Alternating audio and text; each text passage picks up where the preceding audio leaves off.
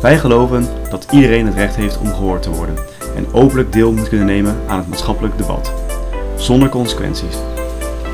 Wij bieden realisten een veilige thuishaven om te kunnen discussiëren. Kijk op www.denieuwezeil.nl voor onze nieuwste artikelen en een overzicht van onze events. Ook zijn wij te vinden op onze Facebookpagina, hebben wij een eigen Facebookgroep en zijn we te vinden op Twitter op de Nieuwe Zeil.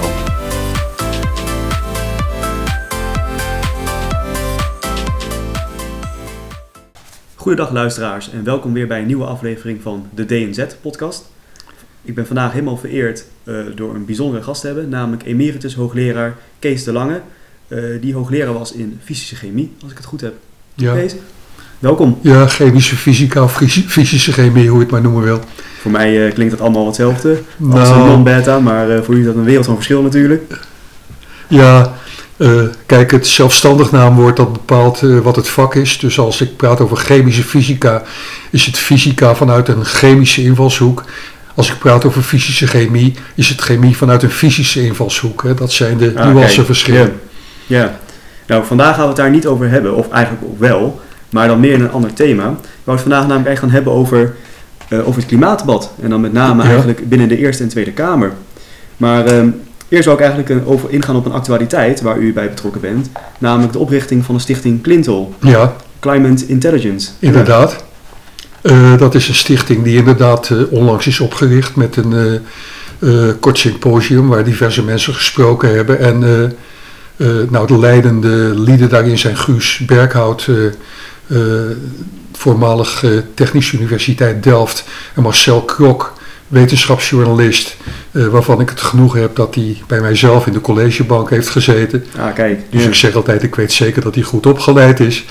Um, die stichting die was hard nodig omdat uh, er natuurlijk een overweldigende propagandamachine van linkse alarmisten draait die ons probeert aan te praten dat uh, ja, de wereld over twintig jaar niet meer bestaat vanwege CO2, dat soort geluiden. Ja, Het is heel belangrijk dat daar ja.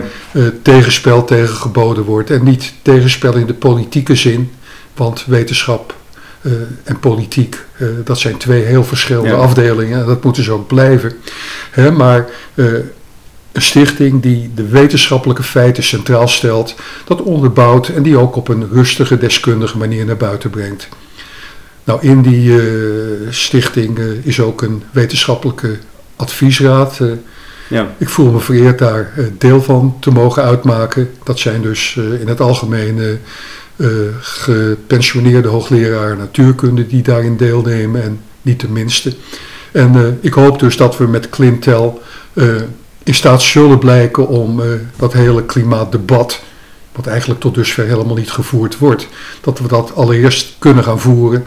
En ten tweede dat we dat tot realistische wetenschappelijke proporties kunnen terugbrengen. Ja, ja, ik denk zeker dat dat wel moet goedkomen. Want ik zag ook wel dat er een jonge organisatie is opgericht. Ja. Wat ook eigenlijk gewoon goed is om gewoon binnen, binnen de studentenwereld ook gewoon inderdaad hè, het realistische plaatje duidelijk te maken. Want de studentenwereld is overduidelijk gekaapt natuurlijk door, uh, hè, door de, de progressieve mening van uh, D66 en GroenLinks-alarmisten. Dat zou je zeggen, ja. En uh, ja, als je daar ook maar iets van een kritisch geluid zet, dan word je meteen al als klimaatontkenner gezet. Mm -hmm. Of dat je klimaatwetenschap ontkent. Maar u heeft daar sowieso natuurlijk al een, een, een, kritische kijk op, met name op de term klimaatwetenschap natuurlijk. Ja, mijn betoog is dat klimaatwetenschap niet bestaat. Uh, natuurlijk bestaat er uh, wetenschap en bestaan er allerlei vormen van wetenschap die zich met aspecten van het klimaat bezighouden. Ja. Kijk, in eerste instantie is de aarde een dynamisch natuurkundig systeem. en dat natuurkundige systeem dat reageert op elke externe impuls die erop losgelaten wordt. Dus klimaatverandering uh, is een natuurkundige noodzaak. Het is ondenkbaar ja. dat het klimaat van de aarde niet zou veranderen. Niettemin word ik klimaatontkenner genoemd, ondanks uh, deze stelling waarmee ik eigenlijk elk stuk dat ik schrijf begin. Uh, maar goed, woorden waarmee gesmeten wordt als klimaatontkenner, die dienen natuurlijk niet om debat te dienen, die dienen uitsluitend om een eventuele tegenstander ja. verdacht te maken. Ja, ideologische tegenstanders gewoon meteen uit te schakelen. Exact. Ja. Uh, maar goed, eh, als we dus kijken wat er voor klimaat eh, van belang is, dan zijn dat eh, een aantal dingen. Dat zijn natuurkunde, scheikunde, biologie, oceanologie, dendrologie, de leer van bomen, glaciologie, Ja. ehm, hele reekse dingen. En pas in een veel later stadium krijg je te maken met, als je het over bepaalde dingen eens zou kunnen worden, dat misschien economie een rol gaat spelen en nog verder langs de lijn psychologie en sociologie. Hè, maar in eerste instantie is het debat een aangelegenheid van natuurwetenschappers en daar zijn dus heel veel kanten aan. Nou, van al die disciplines die ik noemde, eh, die Ja. een rol spelen, eh, ik ken helemaal niemand die expert is op al die gebieden. Dus in die zin is klimaatwetenschap, eh, dat is behelpen. Hè. De een weet iets van dit, de ander weet iets van dat. Ja. Eh, om een verstandig beeld over het geheel te krijgen, moeten al die mensen dus bij elkaar komen, met elkaar verstandig praten. En eh, iemand die beweert klimatoloog te zijn, Ja. ik moet er altijd een beetje om lachen. Ik denk dat ik zelf het nodige weet van eh, natuurkunde en scheikunde van klimaat. Dat is altijd eh, Ja. mijn leeropdracht als hoogleraar geweest. Ik weet het nodige van eh, complexe modellering, ook niet onbelangrijk. Maar ik heb mezelf nog nooit klimaatwetenschapper genoemd en dat ga ik ook niet doen. Nee, want van processen bijvoorbeeld in de oceanen, dat, dat is gewoon uw, uw, uw wetenschapsveld gewoon niet. Nee, Of- of eh, ik weet heel weinig Ja. van zeestromingen, Ja. van jaringen, van bomen Ja. weet ik, eh, behalve het feit dat ze bestaan, ook niet heel veel meer. Nee. Eh, dus vraag me geen deskundige Nee. mening daarover. Als u me daartegen vraagt eh, eh, hoe het zit met de infraroodabsorptie van CO2, dan kan ik daar bijna een boek over schrijven. Ja? Kijk, ja, ja en daar vind ik het wel interessant, want als we dan kijken naar bijvoorbeeld een programma als, als Pauw of de, wereld, of de Wereld Draait Door, die komen dan soms met een, met een wetenschapper. Inderdaad, en dan wordt er gewoon omgezet klimaatwetenschapper. Ja, ja, Alsof iemand natuurlijk. is die die, die, die die twaalf disciplines beheerst en daar allemaal gepromoveerd in is. En, eh, Nou, dat zijn Ja. dan grotere geesten dan dat ik ja, die ja. mezelf zou toerekenen. dat zijn bijna ware homo, homo universalis ongeveer. ja, eh. ja, ja, Dat is inderdaad. echt onmogelijk. Dus eh. dat is een beetje lachwekkend in mijn ogen. Eh, eh, ja, klimaat is een eh, buitengewoon ingewikkeld systeem. ja. Daar moeten we geen doekjes om winden. En van dat ingewikkelde systeem is bijzonder veel niet begrepen. En wat er wel begrepen is, dat is maar eigenlijk betrekkelijk ondergeschikt op dit moment. Dat is geen reden om er niet aan te werken.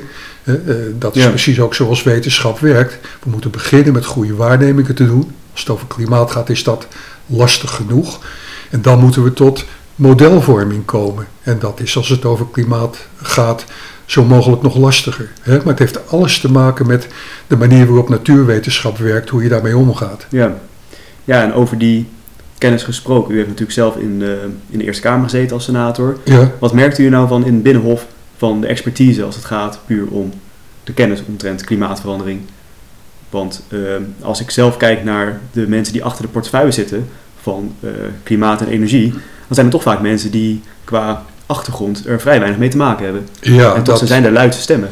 dat is eh, om te beginnen een eh, algemeen probleem. Ja, Eh, in Nederland, als we in de politiek kijken, eh, is het aantal mensen dat actieve ervaring in hoog niveau natuurwetenschap heeft, is zeer gering. In de tijd dat ik zelf in de Eerste Kamer zat, eh, was ik van de 75 leden eigenlijk de enige die eh, een daadwerkelijke carrière in de natuurwetenschap eh, achter de rug had. ja, dat is al zorgwekkend. Ehm, dat valt voor een deel de natuurwetenschappers zelf toe te rekenen omdat eh, die heel erg de neiging hebben om te zeggen, ja, politiek, dat is allemaal eh, onzin, daar willen we niks mee te maken hebben. We hebben betere dingen te doen, eh, namelijk natuurkunde. Misschien is dat waar, hè, maar tegelijkertijd is het een heel onverstandige houding. Als je dus impact wil hebben, invloed wil hebben op de maatschappelijke processen. De enige manier om daar invloed op te hebben als natuurwetenschapper is om ja, met je poten in de klei te gaan staan en aan het debat deel te nemen. Als je dat niet doet, dan doe je jezelf, maar ook de samenleving tekort. Dat vooropgesteld. ja, Als we dan kijken naar eh, op dit moment eh, de samenstelling, bijvoorbeeld van de Tweede Kamer, eh, dan zien we een aantal merkwaardige dingen, om dat maar heel voorzichtig zo te formuleren. Bij de Tweede Kamerverkiezingen, eh, ik pik even de VVD eruit, niet omdat Ja. dat uitzonderlijk is, maar wel een redelijk goed voorbeeld, stonden er 80 mensen op de verkiezingslijst, meen ik. Ergens halverwege stond een dame die iets als civiele techniek in Delft gestudeerd had. Ja.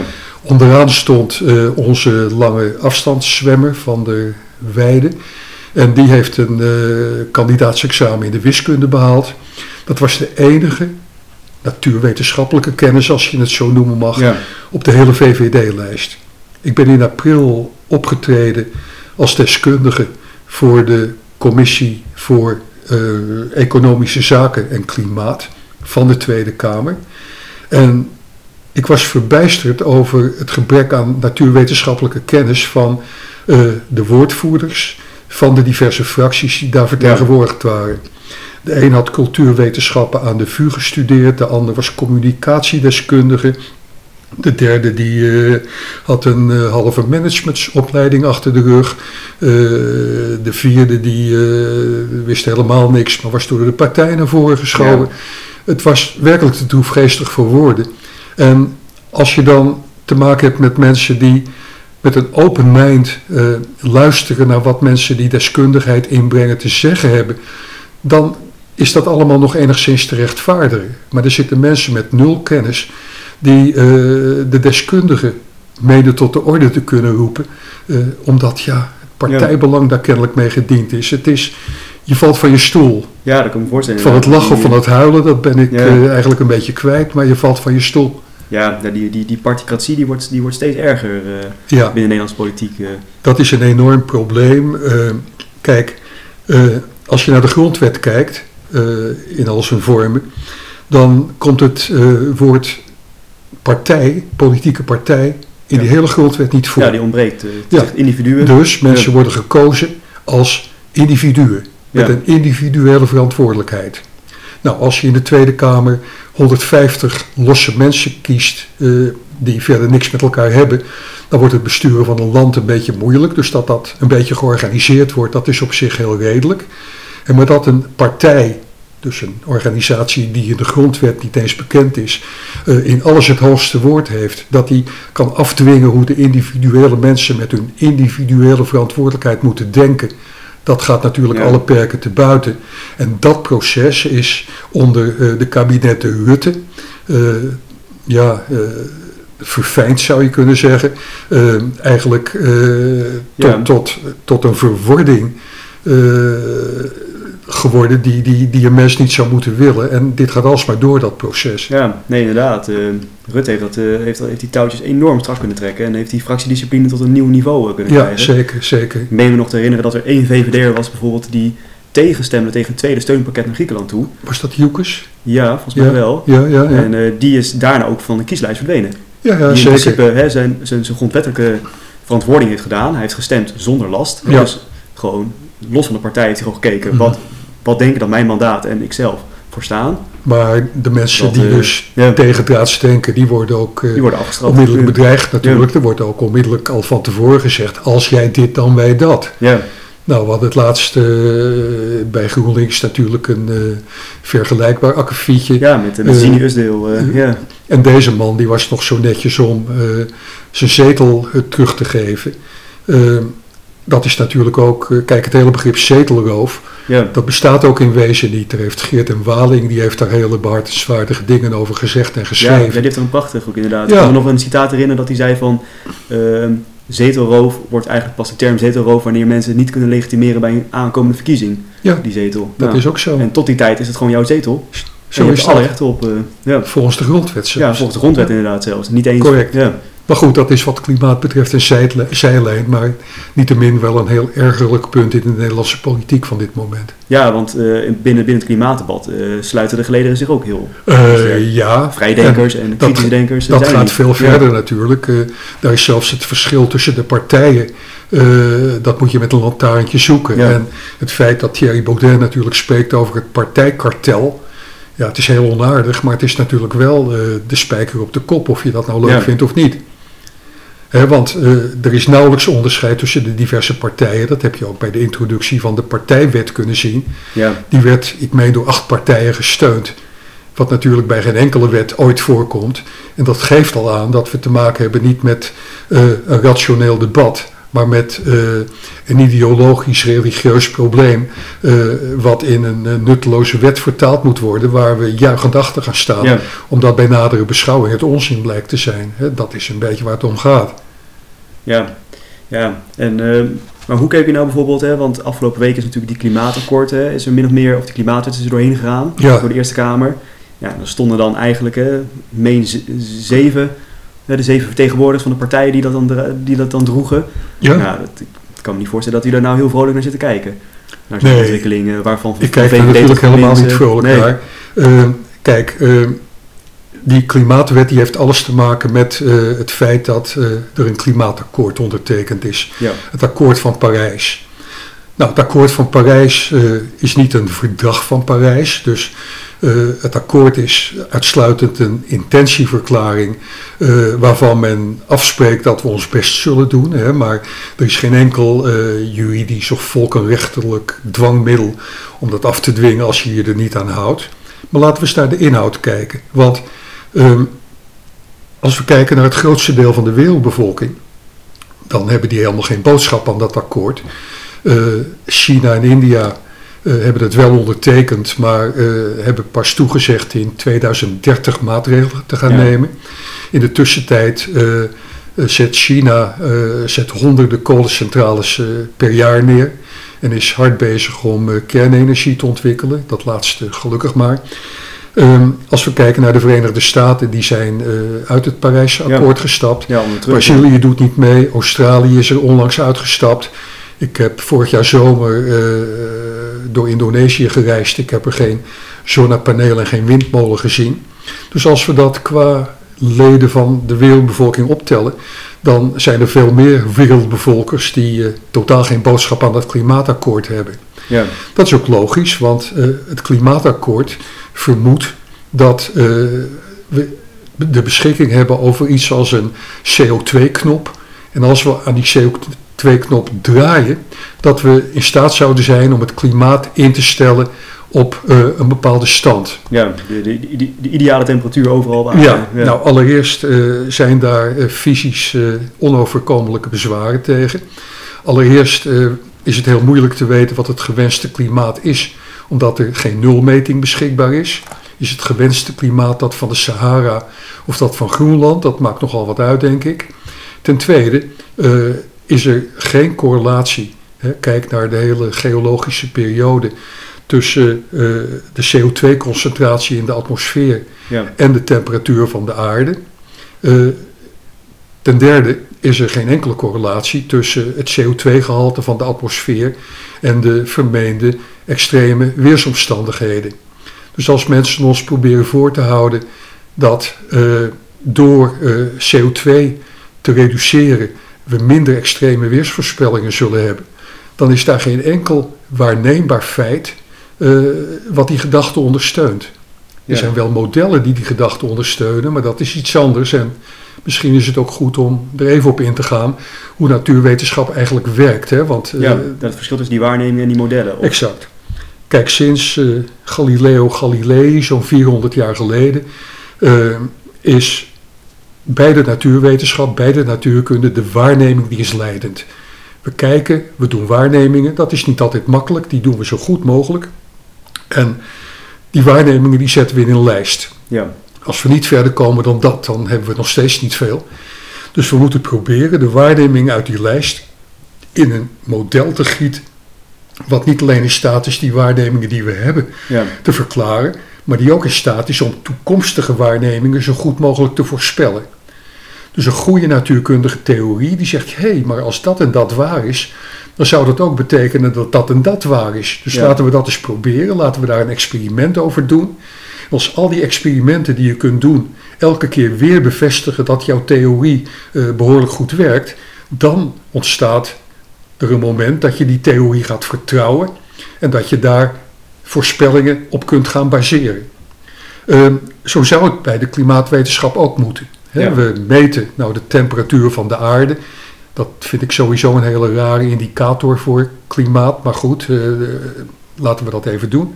We meten die temperatuur en we maken dus eh, modellen die in staat zouden zijn om die temperatuur te verklaren. ja, Nou, allereerst hebben we al een probleem met het meten van die temperatuur. Dat doen we eh, sinds iets meer dan 100 jaar door ja, hier en daar een thermometer in de Ja. aarde te prikken en te kijken wat die aanwijst. Ja, en die verdelingen die klopt ook nog eigenlijk niet. Want Nee. we zien in westerse landen heel veel staan. Exact. Maar Ja. op de Noord- en de Zuidpool... eh, Ja, ook is die eh, verdeling van meetstations over de aarde in de afgelopen 100 jaar heel erg veranderd. ja. Ehm, ook hè, die metingen zijn dus niet heel representatief.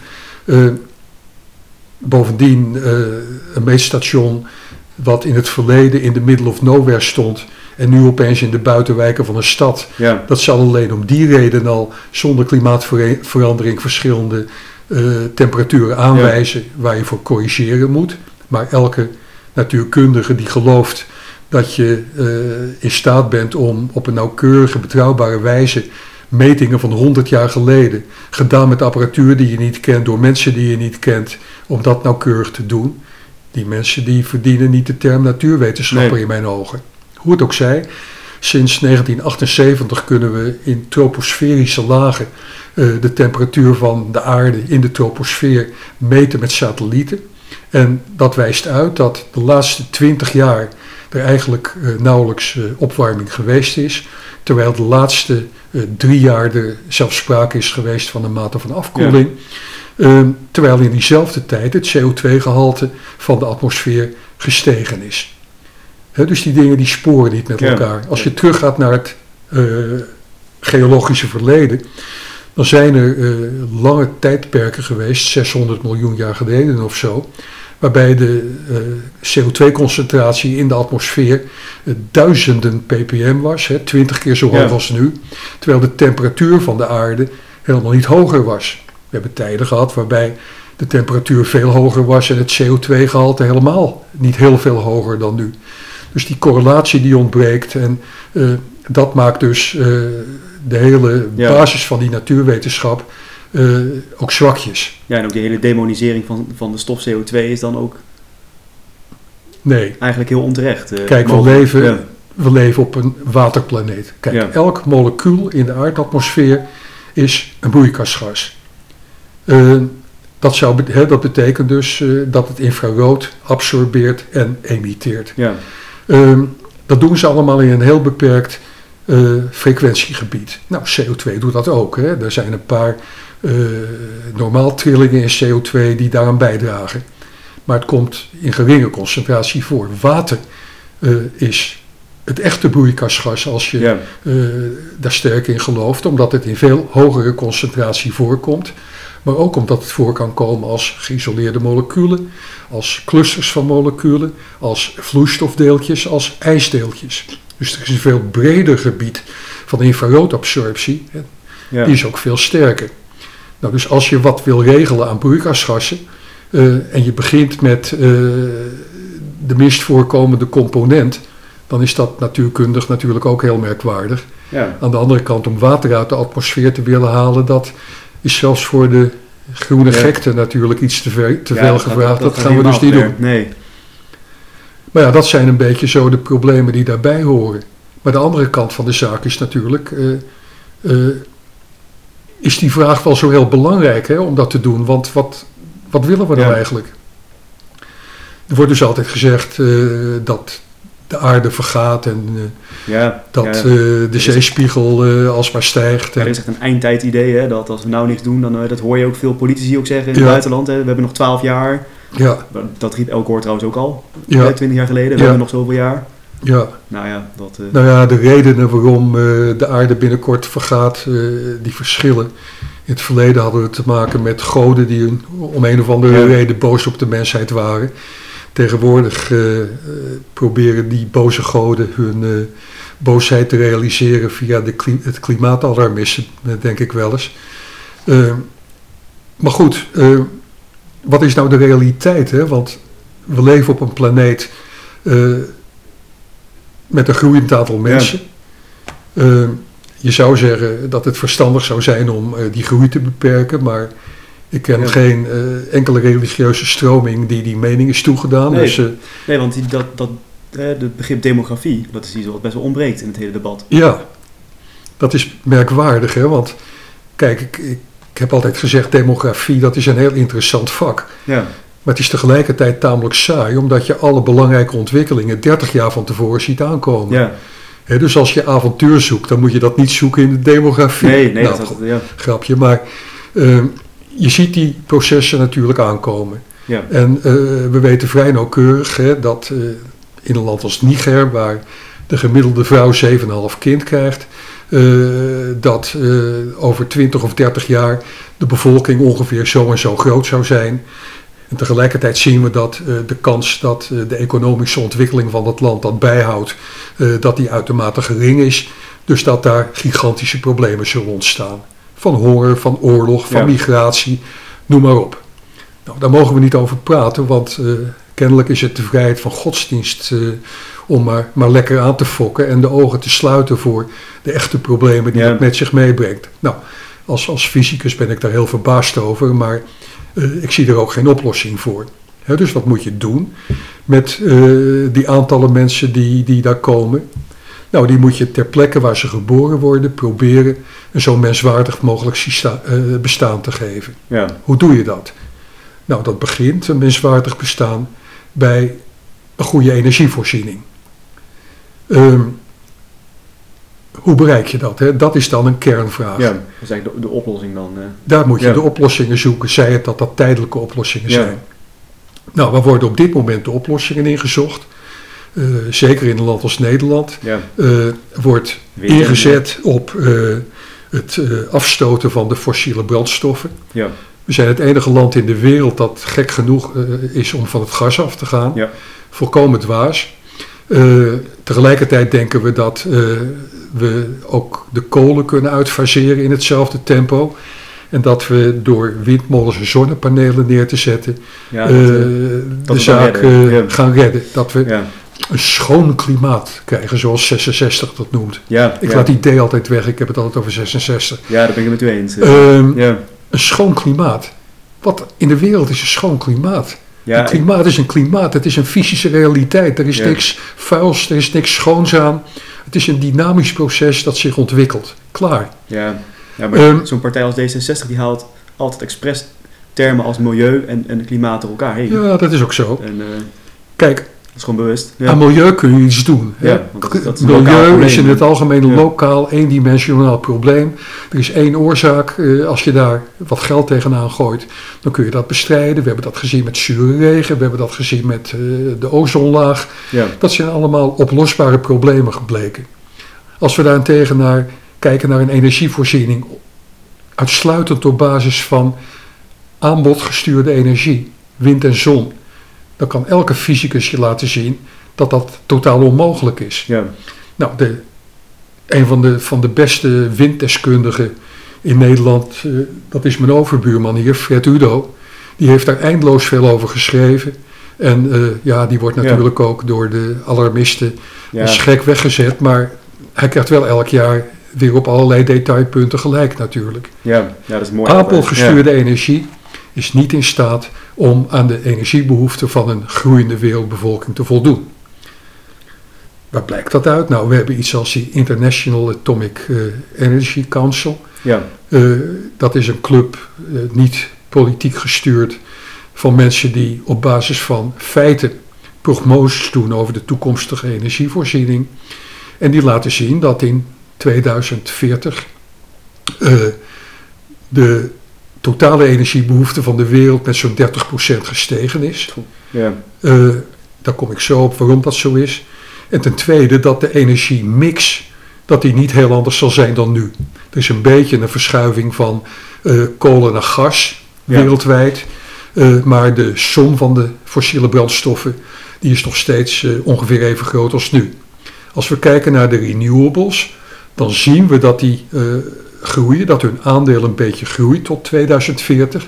Tegelijkertijd zien we dat het totaal van de renewables niet in staat is om de groei in de energiebehoefte bij te houden. En Ah. die groei is 30%. Ja. Ja? Waar gaat die groei in zitten? Nou, allereerst in een toenemende wereldbevolking. ja, Afrika dan natuurlijk. Eh, Afrika met name, Ja. maar toch ook, eh, Ook. India natuurlijk. Ja, eh. ja. Dus die groei die is groot. Maar er is een tweede belangrijk punt. Eh, en dat is dat elk eh, lid van de wereldbevolking niet meer bereid is om met die geringe hoeveelheid energie genoegen te nemen, waar men 100 jaar geleden nog wel genoegen mee nam. Ja. Dus welvaart, eh, toenemende medische verzorging, Ja, ja, vooral al die dingen die vereisen dat de energiebehoefte per hoofd dat die toeneemt.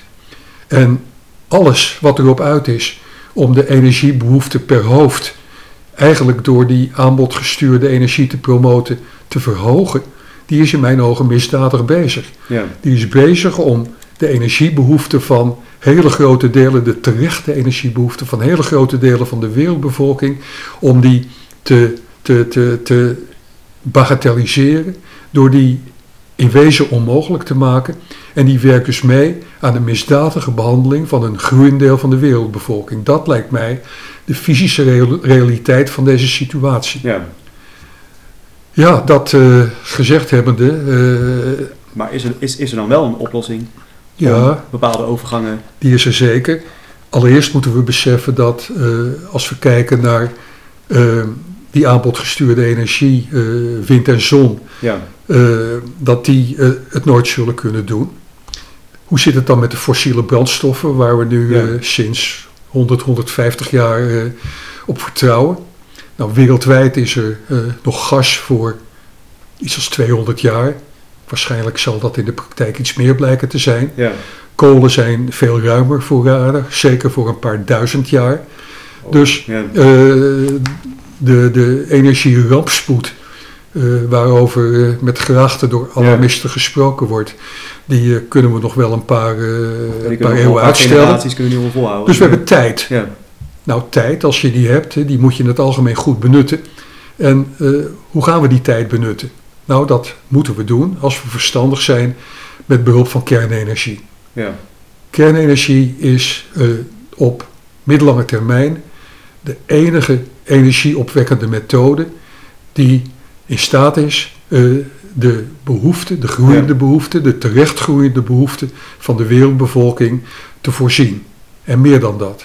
Eh, met kernenergie, met goedkope energie, met vrij beschikbare energie is Ja. er zeer veel mogelijk eh, wat nu eigenlijk ja, ondergeschikt blijft. Om een voorbeeld te noemen. Eh, een onderbelicht probleem op aarde is vaak de beschikbaarheid van schoon water. ja, eh, die, het ontbreken daarvan is een bron van animositeit tussen, tussen landen. Het is een bron van oorlog. Het is een, een bron van, van eh, heel veel menselijke ellende. Met goedkope energie zouden we in staat zijn om op grote schaal zeewater eh, te desalificeren, dus van zout te ontdoen. ja. Eh, het om op die manier dat schone water dus beschikbaar te maken. Dat zou voor de wereldbevolking als geheel, ook voor de veiligheid op de wereld, zodat een geweldige stap vooruit zijn. Met goedkope kernenergie is dat in principe mogelijk, als we het maar willen. ja. Wat is een ander voor- voordeel van kernenergie? Wel, kernenergie eh, produceert eh, zeer weinig of geen CO2. Dus we kunnen ons natuurlijk in de tussentijd doodvechten over de vraag of CO2 eh, Ja. nou wel of niet die geweldige boosdoener is die de alarmisten ons proberen aan te praten. Maar eigenlijk is het antwoord op die vraag helemaal niet zo belangrijk. Ja. We moeten sowieso op een termijn Ja. van 200 jaar wat beters bedenken dan we nu hebben. Dat betere, dat kan alleen maar grootschalige kernenergie zijn. En de extra bonus die we krijgen, daar hoeven we niks extra's, niks bijzonders voor te doen. Dat is dat we dat CO2 eh, op een lager pitje brengen. Nou, als we denken dat dat een goed idee is, ik denk zelf dat het weinig uitmaakt, maar als we denken dat dat een goed idee is, waarom doen we dan zo moeilijk? Ja. Dus ja, ik denk dat het ook deels te maken heeft natuurlijk ook met, die, eh, met, met hele goede lobby erachter. Die gaat toch, wordt toch kleiner als we massaal overstappen op kernenergie dan als we op wind- en zonne-energie blijven zitten. eh, Want ja, bedrijven krijgen natuurlijk minder subsidies. De belangen die zijn natuurlijk eh, enorm groot. Eh, Thierry Baudet die is natuurlijk verketterd over het feit dat hij de kosten van die hele handel begroot op duizend miljard. Ja, Er was zelfs een fysicus, eh, die later bleek een onwetende fysicus te zijn, die in de Tweede Kamer bullshit riep over grafieken. Ja. die Thierry Baudet aangereikt waren door een hele club van professionele fysici, waar ik ook deel van uitmaak. Dat was eigenlijk Ja. een hele gênante vertoning in die Tweede Kamer. Ehm, ja, die, die kosten die zijn inderdaad gigantisch. Die worden opgebracht door de belastingbetaler. En eh, zoals altijd Ja. zijn daar eh, belanghebbenden bij die niet heel graag zien dat hun eh, verdienmodelletje hun uit handen geslagen Ja, wordt. die stopt. En ik vond ook wel terecht dat Baudet ook terecht zei dat het, dat het koopkrachtkillers zijn. Want, Dat eh, zei Duizend miljard, eh, dat, eh, Ja, dat, wordt, dat, wordt, ja, dat is een aderlating voor heel veel gezinnen. dat is een aderlating voor zeer veel gezinnen. Eh, en als je nou het gevoel hebt dat we bezig zijn, ja, weet ik het, met het overleven van de natie Ja. in de oorlogssituatie, eh, dan praat je misschien nog ergens over. ja, Dat is misschien ook waarom eh, het jargon waarmee de groene lobby aan de gang is, eh, eigenlijk steeds eh, alarmistischer wordt. Hè? ja, we praten niet meer over klimaatopwarming. Het is nu al de verandering ja, die onvermijdelijk is, maar die kennelijk toch gevaarlijk is. Het is nu ook opeens een klimaatcrisis geworden. Ehm, en hè, we leven in die klimaatcrisis en we gaan met z'n allen ten onder aan die klimaatcrisis en we doen er veel te weinig aan. Dat soort eh, ja, Ja. oorlogsachtige geluiden, ja, ja. die worden tegenwoordig uit de kast gehaald om ons van iets te overtuigen, waarvan steeds meer burgers zien dat dat eh, toch eigenlijk de waanzin ten top is. Nee, ja, ik heb een beetje hetzelfde idee van, eh, van ook wat u dan net zei, dat in plaats van een koude oorlog een groene oorlog is. Hè, dat er een soort van denkbeeldige vijand wordt gecreëerd. Ja, En dat, dat het hele land maar in het geheel moeten krijgen om tegen die vijand op te staan. eh.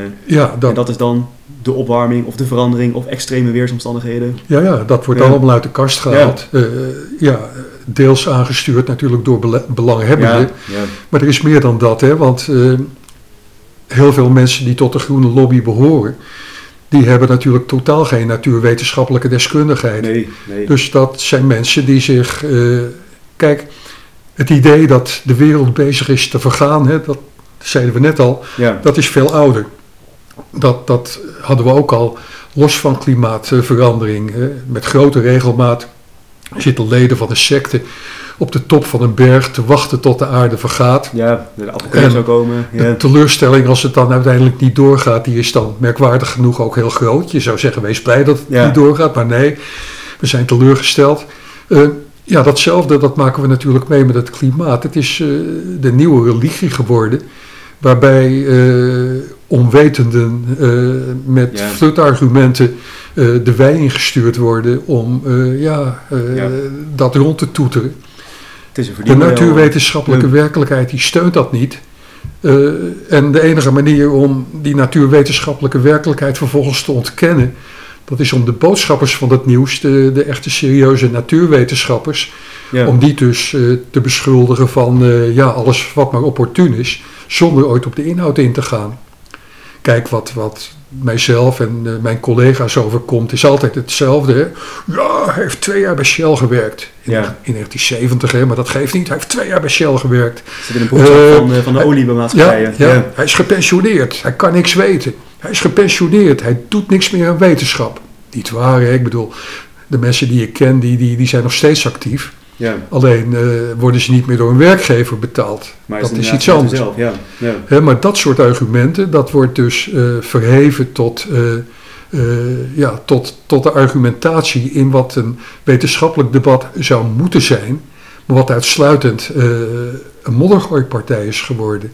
Dat is nu waar we mee Ja. bezig zijn. Maar ik bespeur heel duidelijk tekenen dat het pleit aan het veranderen is, dat het tij aan het keren is. Want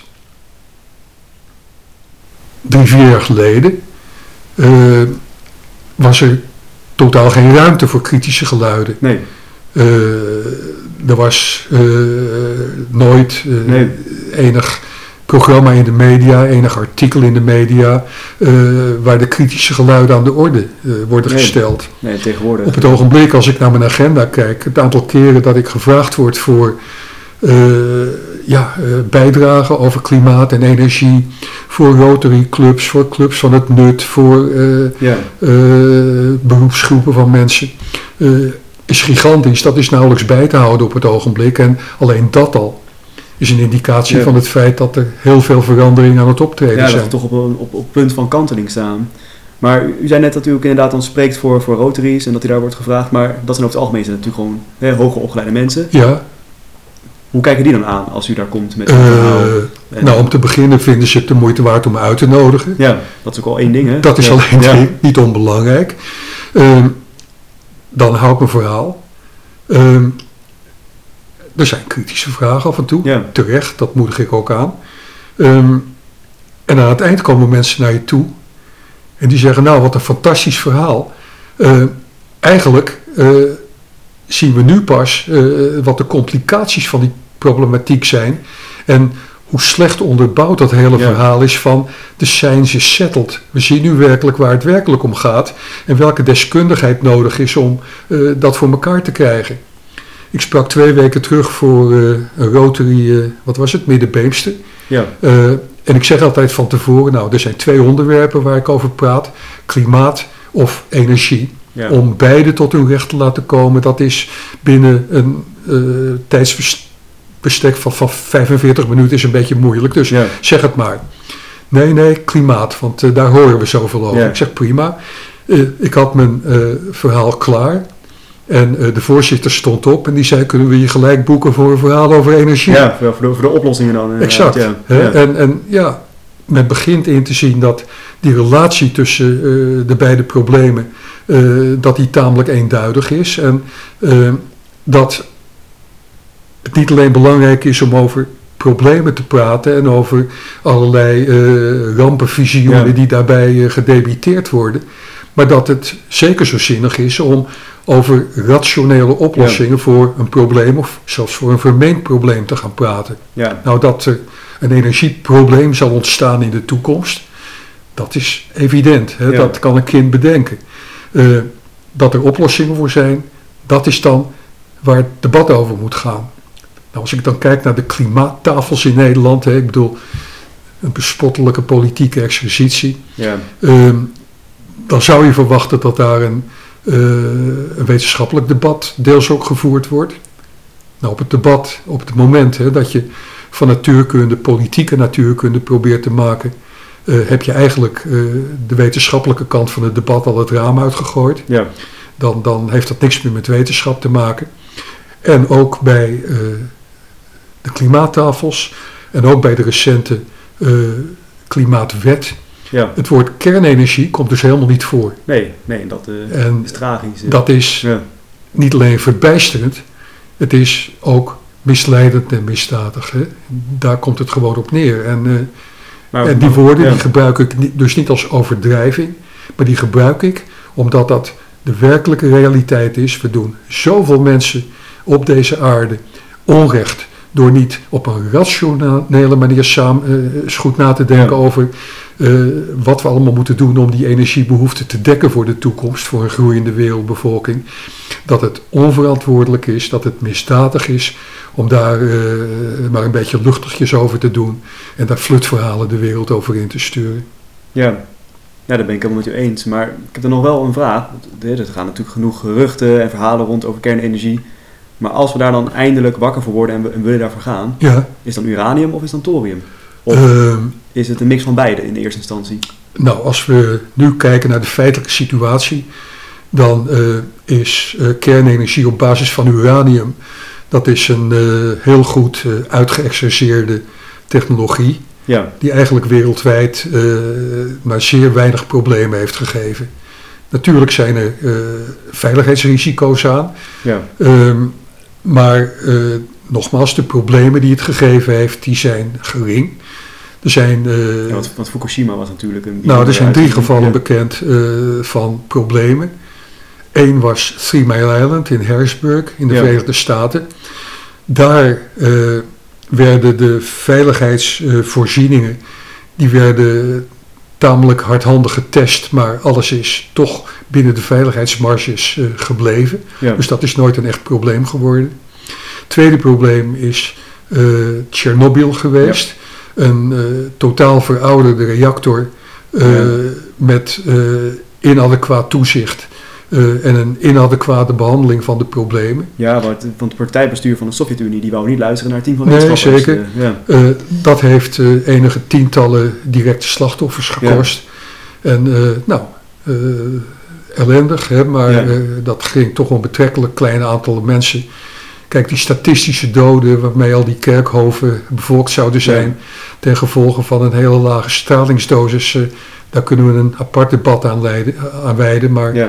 daar, eh, daar wordt niet echt in geloofd natuurlijk. Ten derde dus Fukushima. Eh, het probleem bij Fukushima was dat eh, we een combinatie hadden van een uitzonderlijk sterke aardbeving en een uitzonderlijk sterke tsunami. Ja. En hoewel in eh, het risicomanagement die beide evenementen afzonderlijk meegerekend waren, Ja. was de gelijktijdige optreden daarvan niet echt meegenomen. Dus eh, het risicomanagement was eigenlijk een beetje ontoereikend. Ondanks de problemen met de reactoren die ontstaan zijn, zijn er geen mensen omgekomen door straling. Eh, het terrein, hè, dat is Ja. eh, ontruimd voor een periode. En dat wordt nu weer gewoon bevolkt. Dus ja, ondanks eh, dat daar een probleem is geweest, eh, onder uitzonderlijke omstandigheden, eh, is dat met het aantal slachtoffers meegevallen. Kijk, als we alleen maar kijken naar het aantal doden dat in de kolenmijnen van China in een paar eeuwen tijd is gevallen, Ja. dan is dat alleen in China natuurlijk al veel hoger dan het aantal mensen dat door radioactiviteit ten gevolge van kernenergie is omgekomen. Hè, dus wat dat betreft kunnen we met eh, uranium eh, behoorlijk goed uit de voeten. Ja. En Thorium is natuurlijk een eh, nieuwe ontwikkeling die technisch heel veelbelovend is om een hele reeks van redenen. Ik denk niet dat we nu de tijd hebben om eh, daar uitgebreid op in te gaan. Daar kan ik uur Nee, over nee. praten. Hè, maar ik denk wat er gebeuren moet is dat we gewoon moeten beginnen met eh, de uraniumtechnologie eh, weer gewoon in te gaan zetten. Ja. Eh, dat geeft een heleboel ademruimte in de tijd en dat we tegelijkertijd de thoriumtechnologie, dat we die grootschalig gaan ontwikkelen. Ja. Daar is China bijvoorbeeld al mee bezig. Ik denk dat de eerste commerciële reactoren in China, dat die over tien jaar op de markt komen. Dus als we kijken op een Ja. termijn van, nou noem eens wat, 50 jaar, hè, maar Ja. waar is de haast? Eh, als we kijken op een termijn van 50 jaar, dan kunnen we op grote schaal en wereldwijd op eh, een energievoorziening grootschalig met behulp van kernenergie eh, overstappen. ja, en ook op een veilige manier, omdat in principe de tijd... En ook op veilige manier. Ja. Nou, ik zou uranium dus niet onveilig Nee. willen noemen. Kijk, wat, wat die perceptie in Nederland tot stand heeft gebracht, dat is alweer een, een religieuze lobby Ja. die kernenergie en kernwapens jarenlang op één hoop gegooid heeft, Ja, volkomen ten onrechte. Die demonstraties in 85, 86 op de Ja. Dam in Amsterdam en in Ja, Den Haag. ja. eh, Nee, dat is heel Ja. komisch. Eh, ik heb, eh, ja, mijn wetenschappelijk onderzoek heeft zich voor een deel bezig gehouden met kernmagnetische resonantie. Er zit het woordje kern in. En als uitvloeisel van die techniek eh, is eh, er een techniek ontwikkeld die nu in elk ziekenhuis staat. Eh, kernmagnetische imaging was dat ja. werd dat in eerste instantie genoemd. Ik ken de mensen die dat ontwikkeld hebben, die daarvoor de Nobelprijs hebben gekregen, heel goed. Ehm, op een bepaald moment bleek dat door die naamgeving, kernmagnetische eh, imaging, eh, dat dat een heel verdachte techniek in een ziekenhuis was. ja. Dus wat is er gebeurd? Eh, die techniek die is eh, anders genoemd. Er is niks veranderd. De naam is veranderd. Nu heet het MRI. Magnetic Resonance Ja. Imaging. Dus het woord kern, dat is vermeden als de pest. Ja. Alleen maar vanwege de perceptie van onwetende mensen. Die denken Ja. dat alles waar het woordje kern in voorkomt Ja, levensgevaarlijk die is. connotatie, die negatieve connotatie, Ja, die die exact, hangt. eh, exact. ja. Ja, maar het is toch die campagnes van hè, onder andere organisaties als, als, als Greenpeace, Milieudefensie Ja, natuurlijk, die Ja, ja, ja, wij zich vastketenen hè, aan eh, kerncentrales. ja, Waar eh, onze oude politicus Samson natuurlijk zelf ook natuurlijk eh, maar al te graag mee aan deed. ja, zeker. En nu wel deels zegt, inderdaad, dat hij, dat, dat hij het zonde vond. Ja, dat zei hij laatst met Buitenhof, Ja, programma. Ja, ja, goed. Maar ja. Ja, aan de andere kant, Ik heb het Ja. liefst mensen die van tevoren nadenken en niet die van achteraf bij zinnen komen. ja, en die wist ook wel dat het klimaat... In het bijbelse zin was. schijnt het geloof ik heel mooi te zijn dat mensen spijt krijgen, maar nogmaals, eh, Ja, ja, van tevoren nadenken eh, valt wat mij betreft te verkiezen. ja, nee, daar ben ik helemaal met u eens. eh. en ik wil ook hartstikke bedanken voor het duidelijk verhaal. Ik denk dat onze luisteraars nu alweer genoeg bij zijn gescholden over de huidige staat. Laten we het hopen, ja. Ik heb er nog één vraag. Heeft u tips omtrent eh, personen of stichtingen of groepen of boeken die mensen bijvoorbeeld over deze thematiek kunnen lezen? Die gewoon ook voor leken heel erg begrijpelijk zijn? Of Engelstalig, eh, Nederlandstalig? Waarvan u denkt van nou, het is bijna zomer, vakantie. Ja, Wat, wat denk ik... Kijk, er zijn een aantal mensen die zijn eh, behoorlijk spraakmakend als het op klimaatgebied Ja. gaat. En twee mensen die dus buitengewoon goed werk doen op dit verband. Ja. ook echte wetenschappers zijn. Ehm, nou, eentje is Joyce Spencer.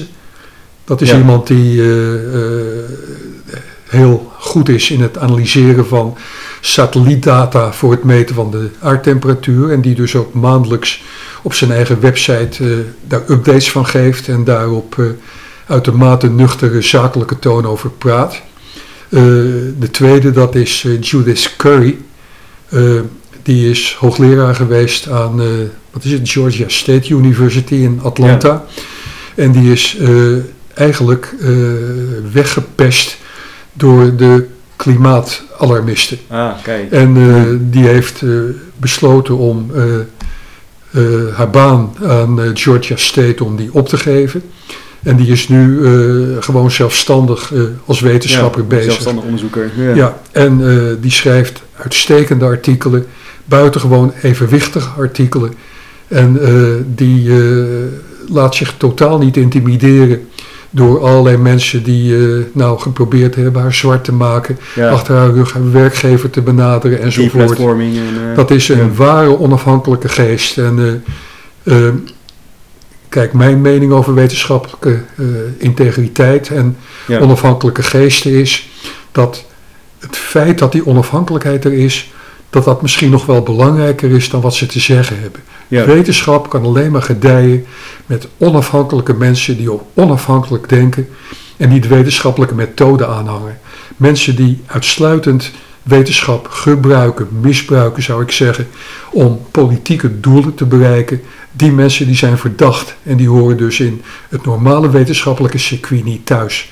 Nou, Judith Curry die heeft tegengestelde beslissing genomen. Die heeft besloten dat het wetenschappelijke circuit, waar ze dus via haar universiteit in participeerde, dat dat zo'n gebrek aan integriteit had, dat ze Ja. daar niet langer deel van wilde uitmaken. En die is haar eigen weg gegaan. Nou, Ja? ja, zeer interessant. Hulde aan haar. Ik denk inderdaad dat het ook interessant is om inderdaad haar eh, wat nauwlettend in de gaten te houden. heel erg belangrijk. Eh, ik wil u nogmaals hartstikke bedanken voor deze aflevering. eh, en wellicht tot de volgende keer. Prima Bart, graag gedaan. En eh, over energie eh, kunnen we kunnen het ook nog een keer in veel detail een keer praten. Ja, absoluut. Nee, leuk. Oké. Deze podcast werd opgenomen door Bart Rijmerink. Heeft u nog tips over toekomstige sprekers of toekomstige onderwerpen? Neem dan contact met ons op via onze mediakanalen.